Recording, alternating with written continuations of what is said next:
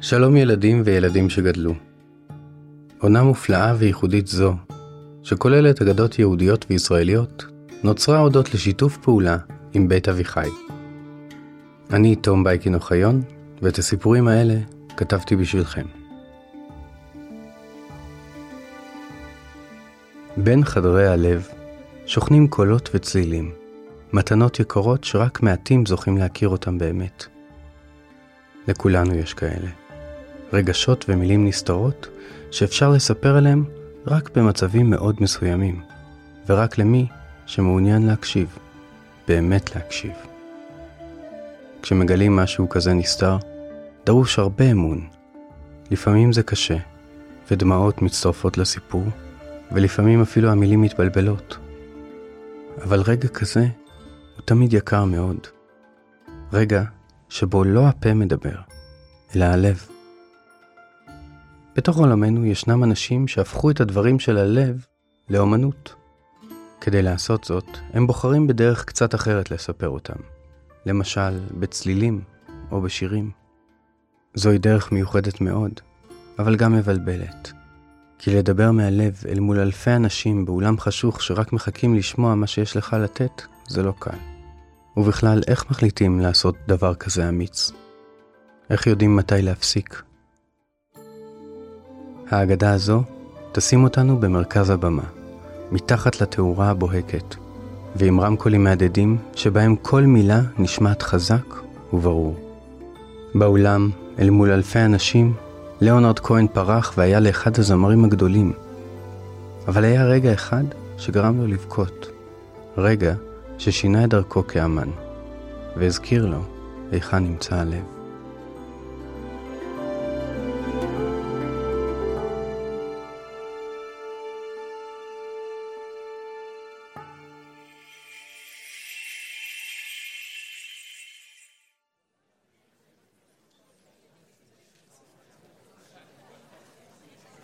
השנה הייתה 1972, והתור בכניסה לאולם בנייני האומה בירושלים היה ארוך ודחוס. מכל קצוות ישראל הגיעו אנשים רבים, צעירים ומבוגרים, חיילים ותלמידים, לחזות בהופעה של בחור צעיר מקנדה, שהצליח בעזרת המילים של שיריו לחדור לליבם. שמו היה ליאונרד כהן, ולמרות שברוב העולם הוא עדיין לא זכה לתהילה הגדולה שהוא ראוי לה, בארץ היה אחד הזמרים האהובים והמוערכים בכל הזמנים. כשהגיע הזמן להתחיל, והלהקה כבר עמדה על הבמה, הקהל חיכה במחיאות כפיים סוערות, אבל ליאונרד כהן לא עלה. זו הייתה ההופעה האחרונה בסיבוב הופעות ארוך ומתיש, ומשהו מנע ממנו לצאת לקדמת הבמה ולהתחיל בהופעה. זו לא הייתה הפעם הראשונה שלו בישראל. למעלה מעשור לפני כן, כשהיה רק סופר ומשורר קנדי צעיר שבא לבקר, הספיק להתאהב במדינה הקטנה הזו ובחיי המשוררים שלה, היושבים בבית הקפה כסית. בביקור ההוא התארח אצל המשורר נתן זך, ואיש מלבד עולם חובבי השירה לא הכיר את שמו. מאז הספיק להוציא שלושה אלבומים ולהופיע בכל בירות המערב, ועכשיו מצא עצמו עייף מהמרוץ המטורף לתהילה. בליבו חשב שאולי כדאי שזאת תהיה ההופעה האחרונה שלו באופן כללי. כל אותו היום טייל בעיר הזו, חשב על שירים שלא יכתוב לעולם, וניסה לשכוח את ההופעה שהייתה להם אמש, בתל אביב. הבמה בהופעה ההיא הייתה רחוקה מאוד מהכיסאות. בשלב מסוים, הוא קרא לקהל לקום מכיסאותיו ולהתקרב לבמה. אבל אנשי האבטחה לא שמעו זאת, וחשבו שהקהל שועט אל הבמה במטרה להתפרע. בתוך זמן קצר התחילה מהומה שהובילה בסופו של דבר לביטול ההופעה. אבל זה היה אתמול, ואם יש משהו אחד שבטוח בסיבוב הופעות, הוא שכל ערב שונה מחברו. הסיבה של ליאונרד כהן מעין לעלות על הבמה הייתה פשוטה מאוד. הוא התרגש. לפני כל הופעה מתרגשים, אבל זו הייתה התרגשות אחרת, חדשה. משהו בתוכו רמז לו שהערב לא יהיה כמו שום ערב אחר. מאחורי הקלעים היה נעים, והישראלים אירחו אותו כאילו שהיה אח ששב הביתה. כשיצא מהחדר לכיוון הבמה, אמר לכולם, חברים, זאת תהיה הפעם האחרונה שנעשה את זה. כולם הבינו שהוא מתכוון לכך שזו ההופעה האחרונה בסיבוב הזה. אבל בליבו התכוון שזו תהיה ההופעה האחרונה שיעשה בחייו. הוא היה רק בן 38, אבל בליבו הרגיש זקן כמתושלח. לבסוף, ליאונרד כהן אזר אומץ ועלה על הבמה, אוחז בגיטרה הנאמנה שלו. הקהל שאג באהבה והערצה, והוא, בשקט ובמבוכה, חיכה שמחיאות הכפיים ידעכו ואמר, טיילנו בכל רחבי אירופה, וזו ההופעה האחרונה שלנו. ככל הנראה זאת תהיה ההופעה האחרונה שאני אעשה זמן רב, אז אני שמח שהיא כאן.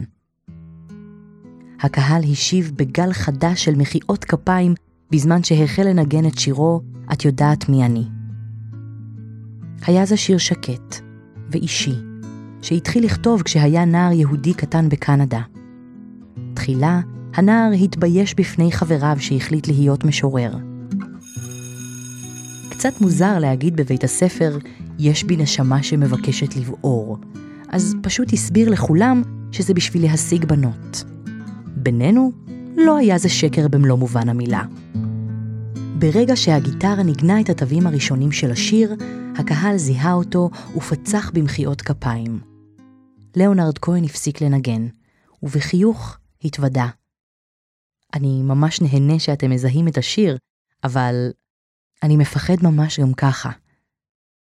באותו הרגע, היה זה כאילו ליבו של כל אחד בקהל נפתח אל האיש הקטן ההוא, שלפני שנייה היה כוכב, ופתאום הפך אדם.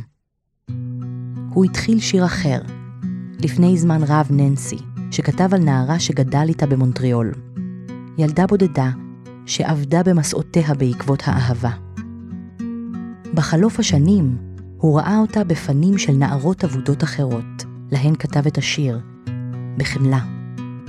מהופעה להופעה, השיר הזה הפך למעין מדיטציה שקטה שלו על הבמה. בזמן ששר, הקהל שתק, והגיטרה חרקה, והוא לא הצליח להרגיש את המילים.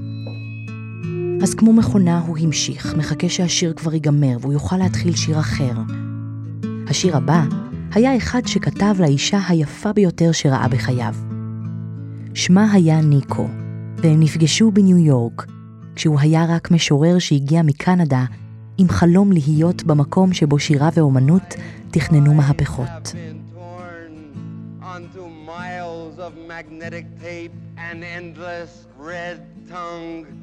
הוא חשב להצטרף עליהם, למהפכנים הצעירים האלה שקראו לעצמם דור הביט.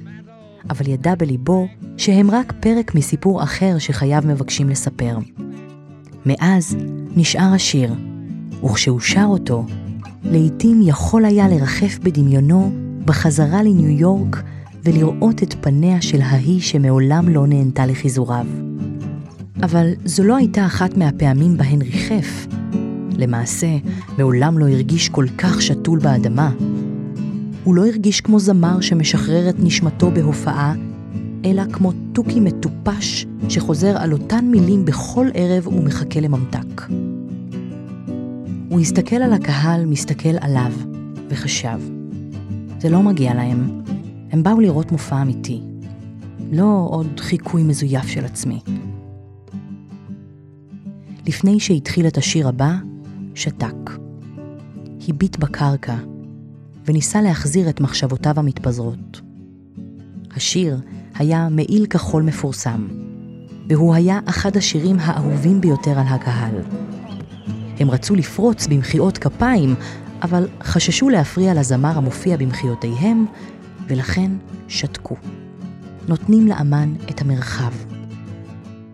את המעיל המפורסם, המוזכר בשיר, הוא קנה אחרי שספר שיריו זכה בפרס גדול. עם כספי הזכייה, נסע ללונדון, שוקל לבלות שם את חייו. בלונדון הקרה והגשומה צריך מעיל, ואיזה מעיל יהיה נאה יותר ממעיל של חברת ברברי. תמיד ידע להתלבש יפה. אביו היה מנהל של מפעל לחליפות, וכבר כעולל היו תופרים חליפות למידותיו החמודות. גם כשהחל להופיע, נהג ללבוש חליפות. אבל מאז חלפו להן שנות ה-60, ואיתן חליפות הפכו סמלים שמסמנים מרובעים. לכן בזמן שהופיע, ובילה עם כוכבים כמו ג'ניס ג'ופלין, בוב דילן וג'ימי הנדריקס, הוא הפסיק להסתובב בחליפות. בסיבוב ההופעות הזה, החליט ללבוש על הבמה חליפת ספארי, כאילו הוא מסייר בג'ונגלים העירוניים של העולם. עכשיו, מול הקהל הזה, הבגדים האלה הרגישו מסורבלים ומטופשים כמו תחפושת או בדיחה לא מצחיקה שמשתהה באוויר ודועכת. וכמו שהוא רצה אז לעזוב את לונדון הגשומה, כך רצה עכשיו לעזוב את הבמה. בסוף השיר, ליאונרד כהן עצר את ההופעה. מובך ניסה להסביר עצמו לקהל, וביקש, אני מקווה שתהיו סבלניים איתי. השירים האלה הפכו למעין מדיטציות עבורי, ולפעמים אני פשוט לא מצליח להתרומם איתם, ואני מרגיש שאני מרמה אתכם. אז ננסה שוב, ואם זה לא יצליח, נפסיק. הוא ראה את האהבה בעיניו של הקהל, והרגיש שאם הוא לא נותן להם הכל בהופעה, אז למעשה הוא לא נותן להם כלום. להפך, הוא לוקח. תמיד שאף למצוא את המקום הזה, המושלם. חלק משיריו דרשו ממנו שנים רבות כדי להיכתב, וגם כשהקליט את אלבומיו, סירב להשאיר על התקליט משהו שלא היה בו אמת. הוא חזר לשיר, והקהל מחא כפיים בשמחה, אבל אז שוב נפל למבוכה. תקשיבו, אמר, אם זה לא ישתפר, אנחנו פשוט נחזיר לכם את הכסף. הקהל לא הבין מדוע. הם ראו עד כמה הוא מתקשה על הבמה, וליבם יצא אליו. אבל בדיוק בגלל הכנות הזו, כנות שלא מוצאים ברוב ההופעות של רוב הזמרים, כל אחד ואחת בקהל הרגישו שזו זכות להיות כאן איתו. הוא המשיך. יש לילות שבהם אדם מתרומם מהקרקע, ויש לילות שבהם אדם לא מצליח. והלילה אנחנו פשוט לא מצליחים. תמיד היה נואם טוב. בבית הספר נבחר להוביל את קבוצת הדיונים, אבל הוא לא הסכים להצטרף לקבוצה שכל עיסוקה הוא ויכוח. למה להוסיף מלחמות? שאל. אין מספיק? אתה, כשעבר מנאומים לשירים, ידע להסתמך על הדיבור כמקום בטוח להתחבא מאחוריו בכל פעם שמשהו בשירים לא הצליח. כתוב בקבלה, אמר, והקהל הישראלי צחק מהאח שמרביץ בהם תורה מחויכת, שאלא אם אדם וחווה יפנו זה אל זו, אלוהים לא יישב על כיסאו. איכשהו הצד הגברי והנשי שבי מסרבים לפנות זה אל זו הערב, ואלוהים לא יושב על כיסאו, וזה דבר נורא אם זה קורה בירושלים. הקהל צחק בשקט, מחכה למוצא פיו. אז תקשיבו, אנחנו נפסיק את ההופעה עכשיו ונחזור לאחור. שם ננסה להשיב את רוחנו. ואם נצליח, נחזור. הוא אמר, ומול כל הקהל המופתע, הסתובב והלך. מאחורי הקלעים, הפציר כהן במפיקים שיחזירו לקהל את הכסף שלהם. אני לא יכול לזייף את זה, אמר. אני לא מצליח, אז... הוא קם, אני בורח. ולמרות הפצרות חבריו ללהקה, התחיל לרוץ לכיוון הדלת. תמיד אהב להשאיר לעצמו דרך מילוט. כמו הפעם שהלך בלונדון הגשומה, וראה פתאום בתוך אחד הבנקים פקיד שזוף עם משקפי שמש שהיו כהתרסה חצופה אל מול הגשם האנגלי. הפקיד הסביר לו שהוא מיוון, וששם, על שפת הים התיכון, השמש חמה גם בחורף. בהשראת הפקיד, ליאונרד כהן נמלט מהעיר הגשומה אל האי היווני עם השם המיתולוגי הידרה. שם חי בחברת אומנים ואפילו מצא אהבה. כמה רצה להיות שם עכשיו, לשבת מחובק מול הגלים, במקום כאן, מוקף בכל הלחץ של מאחורי הקלעים. המפיק עצר אותו בדרך והסביר לו שהקהל לא רוצה את הכסף בחזרה. הוא הסביר שילדים וחיילים הגיעו מכל רחבי הארץ רק בשביל לראות אותו. ליאונרד כהן עצר את מנוסתו והסכים לשבת לרגע ולנסות לאסוף את עצמו מחדש. חברי הלהקה הפצירו בו לשוב אל הבמה. אחד מהם אמר, תראה את כל החיילים האלה בקהל. אתה חושב שהם רוצים ללבוש מדים ולהחזיק רובים? זה פשוט משהו שהם צריכים לעשות. להופיע זה מה שאתה צריך לעשות. אז פשוט תעשה את זה. פתאום, ליאונרד כהן ידע מה הוא צריך לעשות. מאז שהיה קטן, אימא שלו אמרה לו שבכל פעם שהוא מרגיש מבולבל ולא מסודר, שיתגלח. לכן, קם מכיסאו לכיוון הכיור והמראה, הרים סכין גילוח והתחיל להתגלח. אחרי הגילוח התיישב בחזרה על הספה וסיפר לחבריו שפעם אחת כבר הרגיש כך בזמן הופעה. זו הייתה אחת ההופעות הראשונות שלו במונטריאול מולדתו, כשכל המשפחה שלו הגיעה לראות את ההופעה, כולל דודים ובני דודים. זה הרגיש מוזר, הרי כאן לא הייתה לו משפחה. ועם זאת, הוא ידע שכן הייתה לו משפחה כאן. שכן, בעוד שהיה יכול להחליט לעזוב את מועדון הדיונים, את קבוצות המשוררים ואת חבורות הזמרים, בקהל הייתה קבוצה אחרת שנולד לתוכה, ומעולם לא חשב לעוזבה, בדיוק כמו משפחה. שקט, קרא פתאום אחד הנגנים. תקשיבו לקהל!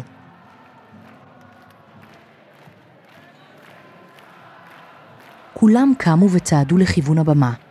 מאזור הבמה נשמעו צלילים מוזרים.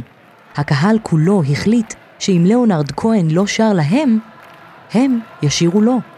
וכמקהלה אחת החלו לשיר "הבאנו שלום עליכם".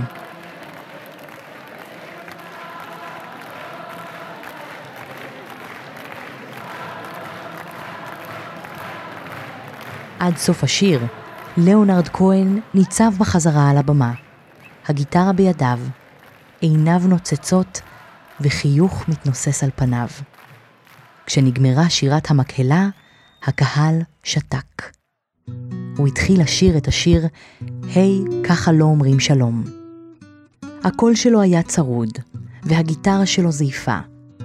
אבל זה היה מה שזה היה, ובעיניהם הנוצצות של הקהל, הוא ראה שיש ברגע הפגום הזה משהו נוצץ מהמושלם. ההופעה המשיכה. הנגנים פתאום הופתעו לראות שהקהל הזה, במדינה הקטנה הזו, מכיר את כל המילים של כל השירים, ושהוא מתחבר אל השירים האלה כאילו שהיו שלו. דרך החיבור הזה, גם הם התחילו לנגן את השירים מחדש, כאילו שהם פוגשים אותם עם הקהל בפעם הראשונה. בסוף, הגיע הזמן לשיר האחרון. זה היה "שלום לך מריאן", אותו כתב לאישה האהובה שהשאיר מאחור על האי ההוא ביוון. היה לו נפלא שם, בחיים של שמש וגלים, של סיפורים קטנים ואהבה גדולה, כשכל הקהל שהיה נחוץ לשיריו היה זוג העיניים של אהובתו. אבל משהו בתוכו ידע בצער שגם זה לא היה אלא פרק אחד מחיים ארוכים. השיר הזה היה אמור להיות שיר שמבקש ממנה לשוב אליו, אך כשסיים לעבוד עליו, היה כבר רחוק מאוד, בטנסי מכל המקומות, שם רכב על סוסים ועבד על אלבום, והשיר הפך לשיר פרידה. כאן, מול הקהל הירושלמי, הפרידה שבשיר התגברה. זו לא הייתה פרידה מחיי ההופעות וממחיאות הכפיים, אלא פרידה מכל החיים האחרים עליהם ויתר כדי להגיע לרגע הזה. דבר אינו מושלם, הבין בזמן ששר את המילים המוכרות של השיר. פתאום נזכר שבאותה הקבלה היהודית שהזכיר כשנפרד מהקהל, מסופר שהעולם הזה אינו אלא קליפה המסתירה את זיו השכינה. בעולם כזה, האור מציץ רק מהסדקים, מהדברים שאינם מושלמים. כשהשיר הסתיים, מעיניו של ליאונרד כהן זלגו דמעות שהגיעו עד לסנטר. הוא לא היה היחיד שבכה. כל חברי הלהקה בכו איתו, ואיתם נצצו עיני הקהל כולו. נבוך, שכך הוא בוכה מול הקהל, ליאונרד כהן הודה להם על ערב נפלא, ועזב את הבמה. שם הוא והלהקה חיבקו זה את זה והמשיכו לבכות. אבל הקהל סירב ללכת. הם מחאו כפיים ורקעו ברגליים, קוראים לו לשוב עליהם. לא הייתה ברירה. כהן ניגב את עיניו ושב להגיד לכולם שוב תודה. מאחורי הקלעים, חברי הלהקה הסכימו שמעולם לא חוו הופעה כזו, ומעולם לא ראו קהל כזה. הם לא הפסיקו לדבר על האופן שבו הקהל הזה שר איתם את כל השירים, אבל ליאונרד כהן שתק. היו לו מחשבות חדשות לסדר, ומסלול חדש לתכנן. הוא עוד ימשיך לכתוב שירים רבים ולתקן אותם במשך שנים בחיפוש אחר השיר המושלם, המתחבא אי שם במגדל השירה. הוא יוציא עוד ספרים, ויזכה בפרסים, ויקליט אלבומים נוספים, והוא יופיע עוד פעמים רבות על במות שונות ומשונות. הוא יספיק להיות להיט חדש ואכזבה ישנה, ולמצוא עוד הרבה אהבה. הוא עוד יהיה נזיר מתבודד על ההר, ושיכור מתנדנד על הבר. הוא עוד יהיה אבא מודאג, וסבא גאה, כובש לבבות ובודד. הוא יהיה עשיר שאיבד את הונו, וכוכב שממלא אצטדיונים ברגע. והוא גם ישוב לישראל. שנה אחרי אותה הופעה, פרצה בישראל מלחמת יום הכיפורים האיומה, והוא, נאמן לאותו החיבור שפגש, הגיע כדי לעזור. איש לא היה מוכן לתת בידו רובה, אבל למה לא גיטרה? וכך, מלווה בזמרים ישראלים כמו אושיק לוי ומתי כספי, נדד בין בסיסים בסיני ונתן לחיילים המותשים הפוגה מבורכת בצורת שירים. הוא ישוב להופיע שם שוב שנים אחרי כן, הפעם שוב בחליפה, ובכל הופעה הוא ימצא פה דור חדש שנכבש בשיריו. אבל עכשיו, עם חברי הלהקה הבוכים ורעשי הקהל הדועכים, לא ניתן היה לדמיין מה העתיד עוד צופן. ניתן היה רק להודות לקהל על התיקון בכיוון המצפן הפנימי, לו לא אנו קוראים המצפון. להרים את הגיטרה ולשיר, שכמו ציפור על חוט תיל, כמו זמר שיכור מיין, הוא ניסה, בדרכו, להיות חופשי.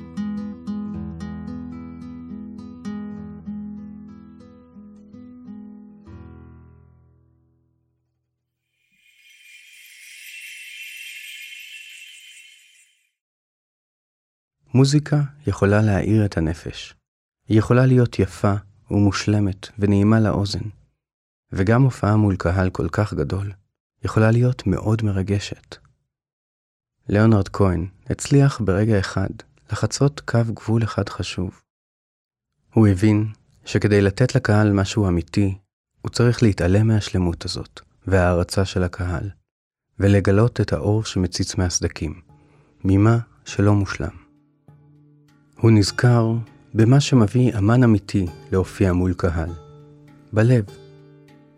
לב שאיננו שלם, אבל שכל מילה וצליל שיוצאת ממנו פוגשת בלב אחר, שמקשיב לה. הרבה שנים אחר כך, ליאונרד יכתוב שיר אחר, ושמו הללויה. כמו בהופעה ההיא, גם השיר הזה הוא תודה על כל מה שיש, וגם סיפור על משהו שהוא לא מושלם, אבל הוא אמיתי וכנה. ואתם, על מה הייתם כותבים שיר?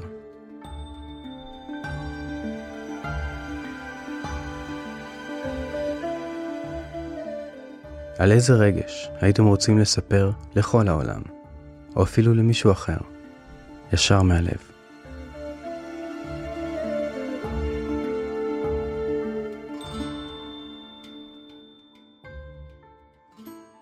מלבד האגדה הזו, עוד אגדות שהיו באמת תוכלו למצוא בפודקאסט שלנו. נשמח אם תתמכו בנו בדף הפטריון שלנו. התומכים יזכו לתכנים בלעדיים, הנחות לספרי הוצאת פנק, ואפילו לשמוע אגדות אמיתיות חדשות שלא תוכלו למצוא כאן. הקישור מופיע בתיאור הפרק, כמו גם הקישור לרכישת הספר. הפודקאסט נולד ונערך ברשת הפודקאסטים העצמאית שלג. תודה לבית אביחי שתמכו בעונה זו. את האגדה הזו קראה עבורכם שירה בן חמו. הפיקה יסמין שפט, ערכה תות שגיא, וביים עמרי בן דור. אני תום בייקין אוחיון. ואם רק תסתכלו טוב טוב, תראו שכל אחת ואחד מכם הוא כבר גיבור של אגדה.